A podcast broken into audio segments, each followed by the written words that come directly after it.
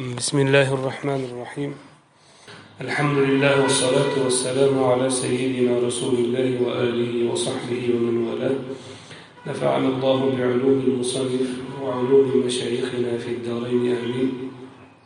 إمام نوويني to'plagan hadislari arbaini navoiyning o'n ikkinchi hadisiga kelgan ekanmiz عن أبي هريرة رضي الله تعالى عنه قال قال رسول الله صلى الله عليه وسلم من حسن إسلام المرء تركه ما لا يعنيه. حديث حسن رواه الترمذي. إمام الترمذي رواية قلن حديث أبو هريرة رضي الله عنه دن رسول الله صلى الله عليه وسلم dedilarki kishining musulmonchiligining go'zalligidandir o'ziga ma'no kasb qilmagan narsani tark qilishligi imom abu davud bu hadisni islomning to'rtdan biri deb aytganlar ulamolar javomiul kalimdan deydi. Payg'ambarimiz alayhissalotu vassalom menga javomiul kalim ya'ni qisqa so'z bilan katta ma'nolarni ifoda qilish quvvati berilgan deganlar o'sha quvvat eng yuqori darajada ifoda bo'lgan ko'ringan hadislar bor maxsus.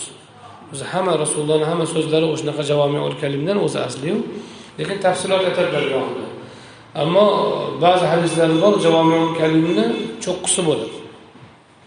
Ya'ni qisqa so'zlar bilan katta ma'nolarni e, bayon qilish. Ma'no ham katta. Agar tadbiq qiladigan bo'lsak hayotimiz tubdan o'zgarib ketadi. O'sha e, javomiul kalim hadislarni agar biz o'zimizga tadbiq qilsak tubdan o'zgarib ketadi. Chunki hayotni har bir lahzasi e, harakatu sakanotimizga taalluqli narsalarda aytganlar qisqa so'zlar bilan. Ana shu jumladan bu hadis. Birinchi aytganlari min husni islamil mar'i islamil mar'i ya'ni kishining musulmonchiligi. Kishining musulmonchiligi kishining islomining go'zalligidandir. Demak odam musulmon bo'lishi mumkin ekan go'zal musulmon bo'lmasligi mumkin ekan. E, go'zalligini go'zallik islomda bor lekin u inson musulmonchilikni to'la tadbiq qilmasa unda go'zallik aks etmasligi mumkin. Shuning uchun islomni go'zalligini sunnat va odoblar ko'rsatadi deydi. Farzni o'zimiz. Farzni o'zi albatta u shak shubhasiz go'zallikni asli lekin odamlarda buni e, zuhur qilib yaqqol ko'rsatadigani tafsilotlari sunnat va odoblar demak birinchidan musulmonchilikni go'zal bo'lishligi. E, min deb aytishlaridan ya'ni islomning kishining musulmonchiligining go'zalligidandir deyishlari demak boshqa go'zallik ko'rinishlari ham borligini ko'rsatadi. Bu o'shalardan bittasi. E, shuning uchun ulamolar bu hadis sharhida tabiziya deb qo'yishgan minni. Tarkuhu ma la ma la bizda molo ya'ni deb qo'yishadi. O'zimiz andijonda ahli ilmlarda bor molo ya'ni ya'ni ma'no kasb qilmaydigan ahamiyatsiz degan. Ahamiyatsiz ma'no kasb qilmaydigan narsalar.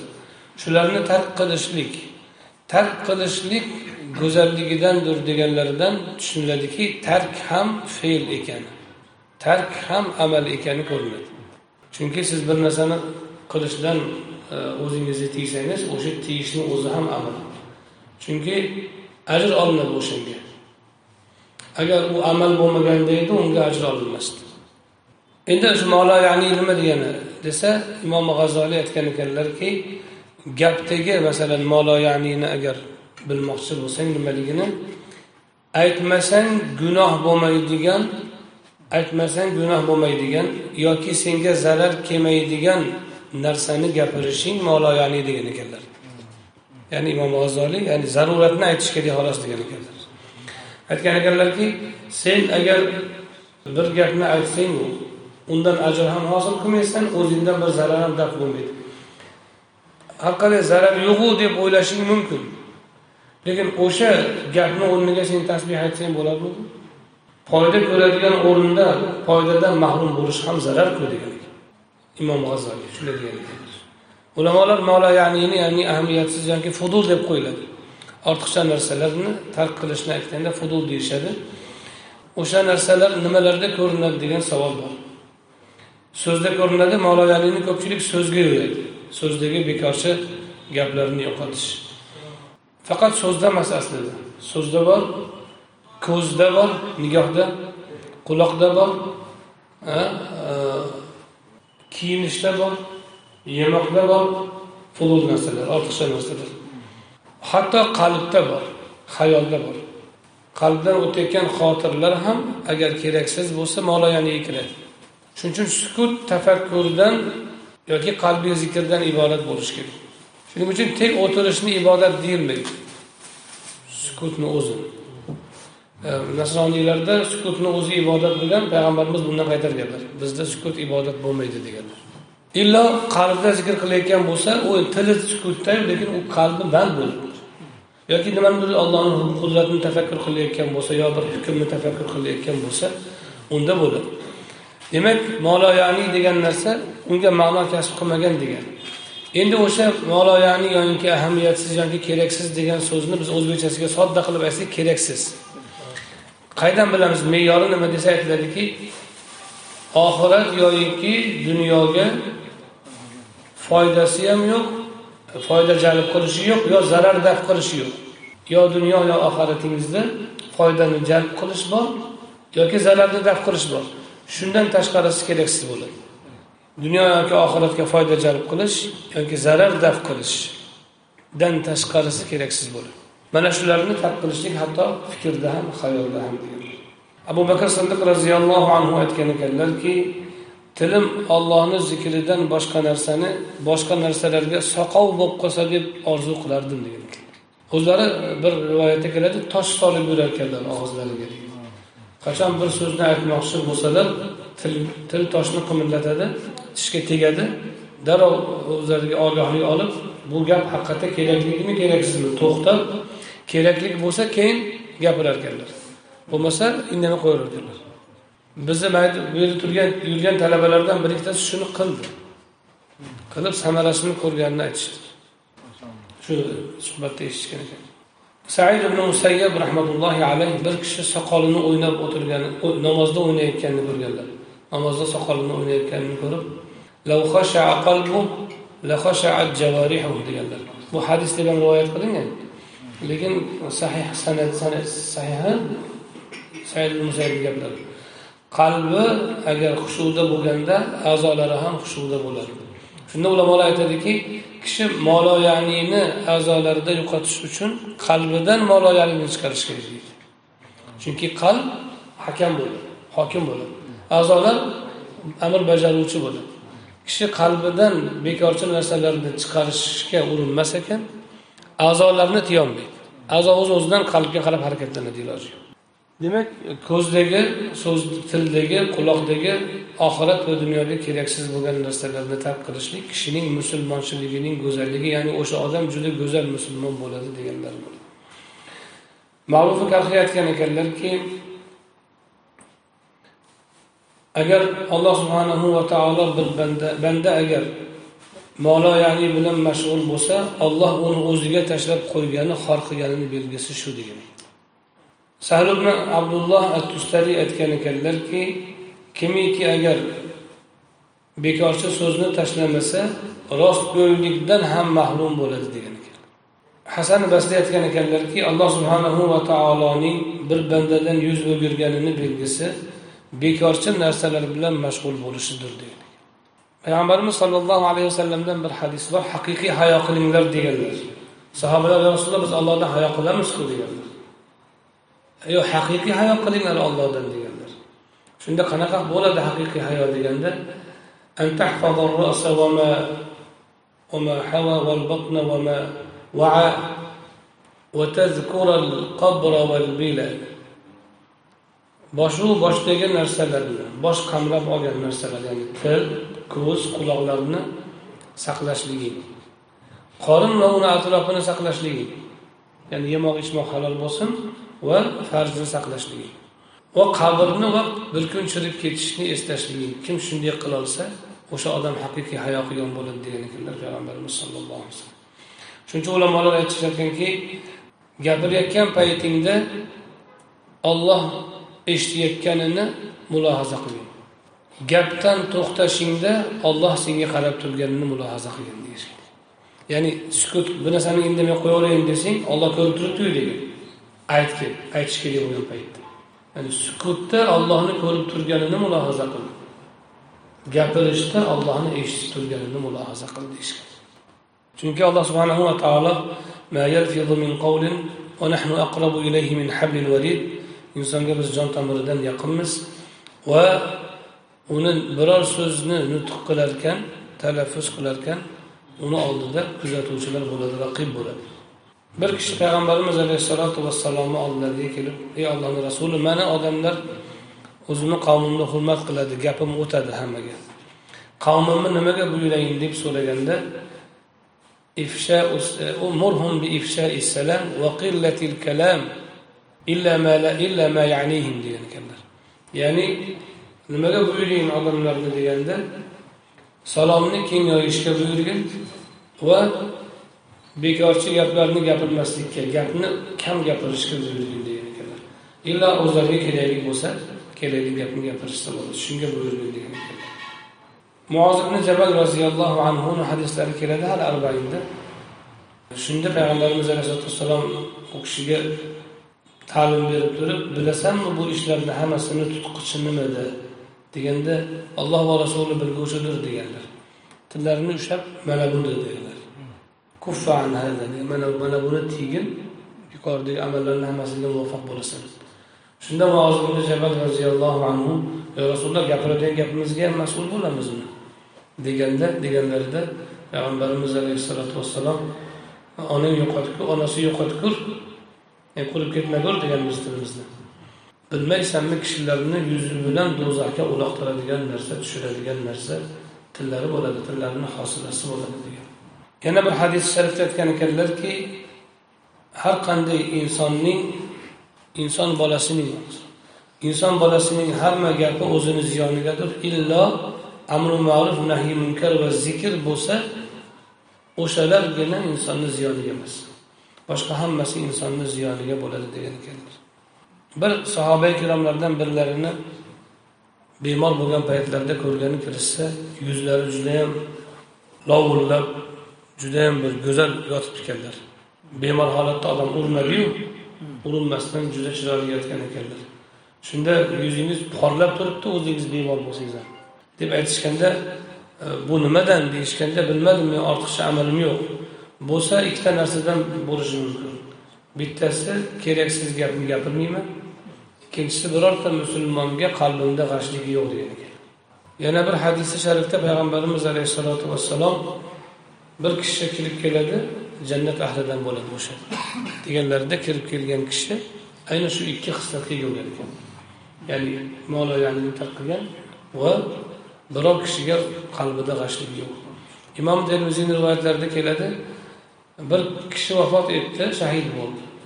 O'rtog'i kelib xursand bo'lib abshir bil janna senga jannatni bashorati bo'lsin deb qoldi. Shunda payg'ambarimiz alayhissalotu vassalom aytgan ekanlarki avala tadri degan ekanlar bilmaysanki balki bu takallama bima la ya'ni av bakhila bima la yughni degan ekanlar ehtimolki keraksiz gapni gapirgan joyi bordir ehtimolki odamni boy qilmaydigan narsani ham qizg'angan joyi bordir ya'ni insonni boy qilmaydigan arzimas narsani qizg'anib qo'yadi odam gohida e, E, ehtimolki keraksiz gapni gapirgan joyi bordir. Yoki boy qilmaydigan narsani qizg'angan joyi bordir. Ya'ni arzimas narsani qizg'anib qo'ygan joyi bordir ehtimol. Shuning uchun shahidga ham shu gapni aytgan paytlarida unday demagin degan ekan. Endi insonning musulmonchiligi go'zal bo'lsa nima beradi degan savol bor. Ulamolar aytarkanki payg'ambarimiz alayhissalotu vassalom kimiki iymoni islomi go'zal bo'lsa u odamni hasanotlari ko'paytirib beriladi degan ekanlar. Kim agar bitta yaxshilik olib kelsa unga o'n barobar qilib beriladi. Ibn umar roziyallohu anhu bu arobiylarga degan ekanlar. Ya'ni yangi musulmon bo'lgan hali to'la musulmon shakliga kelmaganlar. E, muhojirlargachi ya'ni islomi to'la shakllanganlargachi desa ularga degan oyatda o'qilgan ularga bir necha barobar qilib beriladi ko'p o'n barobar emas bu o'n bitta hasanani o'n barobar qilib berilishi bu arobiylar haqidagi oyat degan ekanlar. Ammo yetti yuz barobargacha yoki undan ziyoda bo'lishligi bu kishini islomini kamoliga qarab bo'larkan. Kishini islomi qancha kamol topsa o'ndadan ko'p bo'ladi. Yuz barobar yetmish barobar yuz barobar ikki yuz yetti yuz undan ko'payib ketadi. Shu islomini go'zalligiga va kamolotiga qarab bo'lar ekan. Payg'ambarimiz alayhissalotu vassalom shunday degan va yana aytgan ekanlarki kishining islomi go'zal bo'lsa oldingi sayyoatlari yomonliklari yaxshilikka almashtiriladi degan ulamolar bahs qilgan ekanki bu gap kufrdan iymonga o'tgangami yoki musulmonning gunohdan tavba qilib salohga o'tganiga ham desa salohga o'tgan musulmon haqliroq deyishgan oldin gunoh qilib yurgan odam kofirki agar johiliyat davrida kofir paytida qilgan gunohlari mo'min bo'lgandan keyin islomi go'zal bo'lgandan keyin yaxshilikka almashtirib berilarkan mo'min haqliroq deyishgan yana bir hadis sharifda abu hurayra roziyallohu anhudan imom hokim rivoyat qilgan. حديث تاع رسول الله أكرم عليه الصلاة والسلام كان كبكي ليتمين ليتمينن أقوام أنهم أكثر السيئات. شن دي بر كشلر بولاد؟ إيه، إجنان كم نقصي بولاد كان دي أرزو قل شجي داير دي صحابة بما يا رسول الله. نما بلن دي الذين يبدل الله سيئاتهم حسناتهم. Yomonligini yaxshilikka almashtirilganini ko'rganda o'sha zotlar shunday kishi islomi go'zal bo'lsa musulmonchiligi go'zallikka o'tsa oldingi xatolari kamchiliklari yaxshilikka almashtirib beriladi hattoki oxiratda u kishi almashtirib berilganini ko'rganda gunohni gunohda tavbadan oldin yana ham ko'proq qilsam bo'lardi bu alloh subhanahu va taoloni kalami va kishi islomda islomini mukammal qilishiga harakat qilishiga endi biz bilmaymizki ertaga o'lamizmi endi o'lamiz hozirdan shu kamolotga qo'ldan kelgancha harakat qilishimiz kerak. Ravoh ibn yazid lahmiy alloh u rahmat qilsin aytgan ekanlarki man gunohni tark qilib nafsimni gunohdan tiyishga harakat qildim. Bir yil urindim nafsim yo'lga tushdi tilimni noloyaqlikdan bekorchi narsadan tiyishga harakat qildim. O'n besh yilda o'zlashtirib o'n besh yilda shuni bu kishi o'ttiz sakkiz yoshda o'tgan ekanlar. Tobeinlarda yo tobiin tobeinlardan bo'lishi kerak o'ttiz sakkiz yoshda o'tgan ekanlar. O'n besh yilda o'zlashtirgan bo'lsalar endi o'ttiz sakkiz emas o'ttiz besh yoshda aytgan deylik tushunyapman yigirma yoshda yoki undan ham oldin boshlagan bo'ladi harakat. Shunda o'sha darajaga o'n besh yilda tilimni umuman noloyanidan to'sadigan bo'ldi. Nigohni ham noloyanidan to'sish kerak. Biz bu yerda ba'zi talabalar bilan risalada mustashidlikni o'qiganda o'sha u yerda e, bahs kelgan ya'ni tilni fudul bilan ortiqcha gapdan tiyish bitta bahs ko'zniki bitta bahs quloq va boshqa a'zolarniga qilib bergan. Biz bir haftadan bittasini olib e, bolalar bilan maslahat qilib shuni qilaylik bajaraylik o'zimiz. Gapirib vorlatib o'qib ketgan bilan foydasi yo'q. Uni ko'ra ozgina o'qiylik amal qilaylik bu, bu safar bu juma keyingi jumagacha til mashq. Ya'ni gapirish mashq emas gapirmaslik mashq. Qilamiz dedik endi bolalar ko'p qilmadi lekin ba'zi bolalar qildi. Bittasi manga ming junah berdi. Qolgan dedi man dedi o'sha gapdan keyin tilimdan tilimni tiyish uchun o'zimga sodiq soldim. Mabodo o'sha biz mezon qo'yganmiz qoida shuki oxirat yoki dunyodan zararni dard qilish yoki foydani jalb qilish bo'lmasa o'sha bekor pul mezon qo'yildi. Shu mezon bilan o'zini so'zlarini o'lchadi har bitta gapga besh junaymi o'n junaymi qanchadir qilgan ming junay bo'ldi. Bir haftada besh yuz junay bo'ldi. Keyingi hafta yana besh yuz junay. Keyingi hafta emas keyingi oyda besh yuz junay. Bir haftada besh yuz junay bo'ldi. Uni berib ketdi aytdiki men o'zimda juda katta o'zgarish sezdim o'ta vaqtim ko'payib ketdi. Vaqtimga baraka kirib ketdi o'zimdan hayron qoldim haqiqatda behuda gapimiz ko'paygan ikkinchi bola tosh solib yurdi. U ham gapirolmaydigan bo'lib qolibdi deyapti chunki hamma gap bermaydi o'zi. Ko'z haftasi qildik bir hafta. Ko'zni mashq qildik. Uni ham ba'zilar qildi ya'ni ko'zni haromdan tiyish. E, behuda narsadan tiyish o'ta qiyin narsa. Fuduldan tiyish. Endi u o'ta kamolotu hech bo'lmasa gunohdan tiyish. Bolalardan ba'zilari aytdiki man dedi zehnimda xotiramda shu bir haftada keskin o'zgarish sezdim ko'zimni tiyuvdim xotiram bir necha barobarga o'sib ketdi o'qishim mana bu endi agar qalbga ko'chsa agar qalbimizni ham behuda narsadan tiyadigan bo'lsak bu mana shu kamolot bo'ladi shayxul akbar aytganlarki bizni mashoyihlarimiz kechqurun o'zlarini sarf hisob qiladi qilgan amallari va so'zlarini yozib yoki o'zlari bir bilan sarf hisob qiladi yaxshiliklariga hamd aytishadi tavfiqqa behudasi yoki gunohi bo'lsa istig'for aytishadi so'zlarigayu amallariga. Biz unga xotirni ham qo'shdik. Biz unga hayolni ham qo'shdik hayolimizga kelganini ham kechpay sal hisob qiladigan bo'ldik va o'shanda istig'for va hamd bilan va e, shu bilan kamolatga yetganini aytishgan islom mana shunday amal dini agar biz haqiqatdan o'zimizdan mashq qilsak kelasi haftagacha o'zimizni bir sinab ko'rishimiz mumkin. Biz eng katta chalg'itadigan narsa hozir telefon. Telefonni masalan facebookda ochib nima borligini deb aralab o'tirish yoki telegramda ochib aralab o'tirishlik mana shu ayni noloyali bema'ni narsadan behuda narsadan tiyilmagan odam shuni o'zida ziyon qilayotgan bo'ladi chunki u o'sha behuda narsani unga foydali ish qilsa bo'ladiyu masalan siz kunduzi savdo qilasiz savdoni o'rniga bekor o'tirsangiz ziyon qilyapman deysizu do'koningizni ochib qo'ygansiz molni qo'yib qo'ygansiz savdo yo'q kuningiz o'tyapti ziyon deb qarayapsizmi yo foyda deb qaraysizmi yoki foyda ham ziyon ham yo'q demaysiz hech qachon men ziyon qilyapman deysiz modom mol tikdingiz modom pul tikdingiz pul sizga hosila bermayotganini albatta ziyon deb o'ylaysiz a vaqtdan ham biz foydalanishimiz kerakku. Vaqt biz sarmoyamizku o'sha sarmoyani agar oxirat yoki dunyo uchun ishlatmas ekanmiz ayni damda ziyon ko'rayotgan bo'lamiz.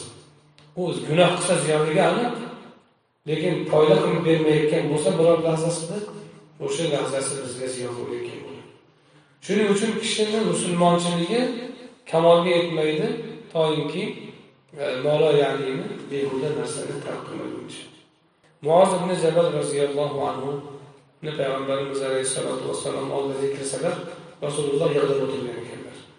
Aytdilarki kayfa asbahta ya muaz?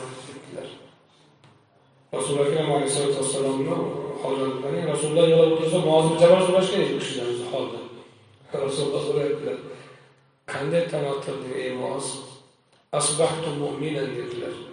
Mo'min holatda. Shunday aytdiki